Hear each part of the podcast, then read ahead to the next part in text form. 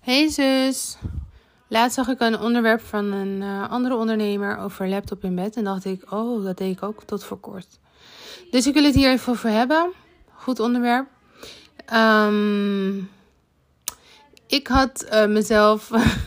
ik moet lachen om mezelf. Ik denk, dit is echt niet oké, eigenlijk. Ik. Um, ik had het excuus bedacht. En dat is ook wel, het is oké, weet je wel. Ik had het excuus bedacht van, ik, weet je, ik ben single, dus er is genoeg ruimte in mijn bed. laptop was naast mijn bed. Als ik ochtends wakker word en ik krijg inspiratie, maar ik kan het maar niet opbrengen om uit bed te stappen, dan kan ik wel rechtop gaan zitten en alsnog alvast, een, uh, alvast content maken of iets dergelijks. Weet je? En uh, doe even mijn deur dicht, want uh, Trey gaat steeds harder gillen. Maar um, eigenlijk is dat helemaal niet goed.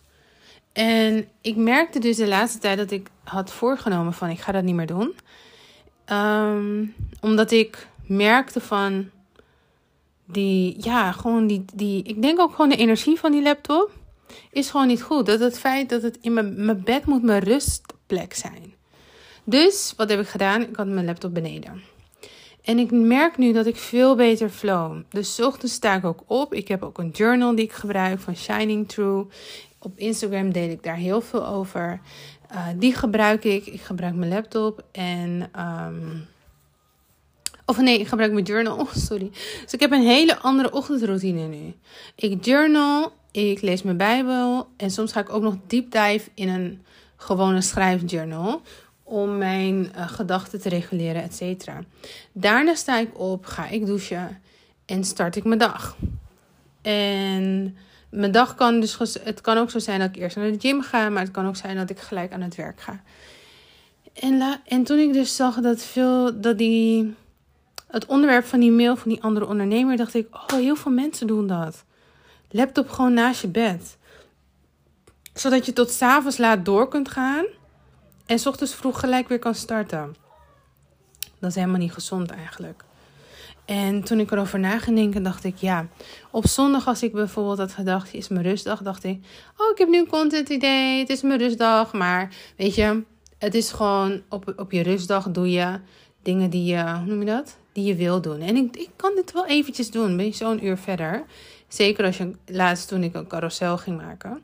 En toen dacht ik, nee, dit moet anders. Zondag, soms ook zaterdag, maar zondag helemaal niks met business te maken. Dus afgelopen weekend voor het eerst had ik aangekondigd, vrijdag, jongens. Um, dit weekend ben ik te vinden op mijn andere account, Poetry by Gerani. En vind je hem in ieder geval niet meer hier. En ik heb me er ook echt aan gehouden. Um, Eén ding heb ik wel gedaan. Ik had een DM of zo gekregen. En dat ik zeg, ik kom er later op terug. Omdat ik het irritant vind, dat rode polletje, zeg maar. Dat er telkens wat aan die kant is. Uh, maar voor de rest heb ik me echt eraan gehouden. En het voelde zo fijn. Um, maar er kwam een test. Er kwam zelfs een test. Zondag had ik opeens een heel reflectie, reflectiemoment. Ik dacht, oké, dit moet ik delen. Dus ik deelde het op Poetry bij Gerani. En ik wilde mezelf taggen. Maar ik dacht, nee. Ik ga het niet reposten. Um, ik post dit morgen. Dus ik download al die, uh, al die stories. En morgen post ik het gewoon. En dat heb ik ook gewoon gedaan. En alsnog werd mijn story heel veel keer bekeken op maandag. Echt super veel views. En ik dacht met mezelf.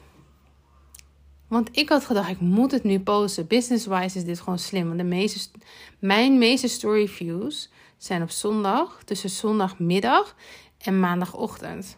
Maar ik heb gewoon besloten, ik doe het maandagochtend. En alsnog kreeg ik heel veel story views. Soms is het zoveel efficiënter om te werken vanuit rust dan te werken na rust.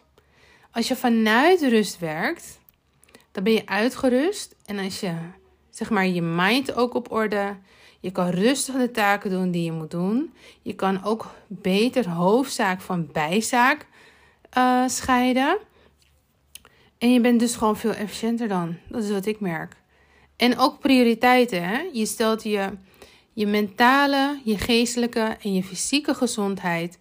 Dat is jouw prioriteit nummer één. Niet je business. Hoezo is de laptop het laatste wat je s'avonds aanraakt? En hoezo is de laptop het eerste wat je in de ochtend aanraakt? That's not good. Again, dat is echt mijn mantra van deze uh, periode, is pas je business aan aan je lifestyle. En ik moet telkens weer opnieuw kijken of ik dat nog steeds aan het doen ben. Want dingetjes sluipen erin. En niet in één keer. Maar het, de eerste keer dat die laptop in bed was, is nog geen gewoonte. Maar als je dat al weken achter elkaar doet, dan is het heel normaal om de hele tijd van boven naar beneden te slepen met van alles en nog wat. Dat is wat ik deed, nu ik eraan denk. Het is zo bevrijdend dat ik alleen nog maar naar boven loop. Met eventueel mijn journal als die beneden was. Um, en een glas water of een uh, fles water. That's it. Niet mijn laptop, niet mijn Google Nest en alles. Nee. De rest blijft gewoon beneden of boven waar het hoort.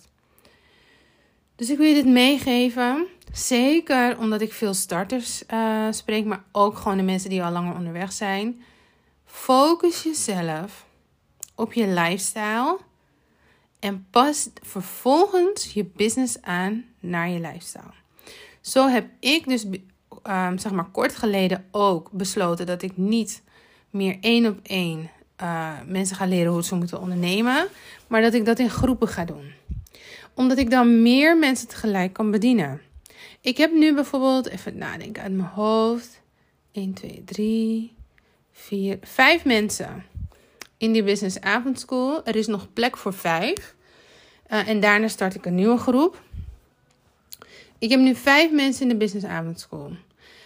En vijf mensen die ik spreek in één uur, allemaal hetzelfde leer. Zeven keer. Het zijn zeven modules.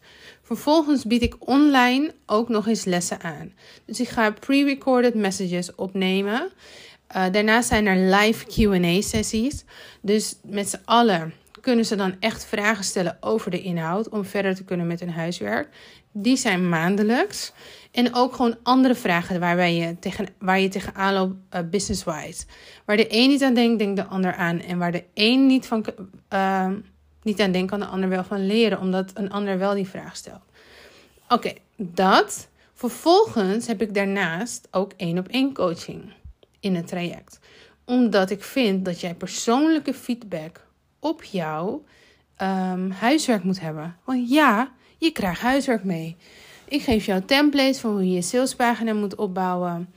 Um, zoals ik dat heb geleerd bij diverse andere ondernemers, waarvan ik weet dat het werkt. En um, ik geef jou ook opdrachten mee als ideale klant helemaal ontschrijven, et cetera. En dan wil ik het zien. Kijken of je echt diep bent gegaan. En dan wil ik feedback opgeven. En ik coach jou daarop. En daarom heb ik dus ook die één op één coaching in de Business Avondschool.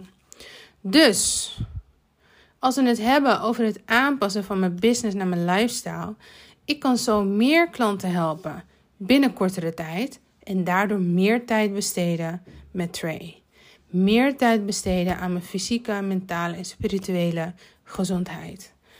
Want ik weet dat ik ga groeien en dan als je dan pas actie onderneemt, dan is het eigenlijk een beetje te laat. Want dan moet je eerst nog die één op één klanten afmaken en dan gaat het nog door.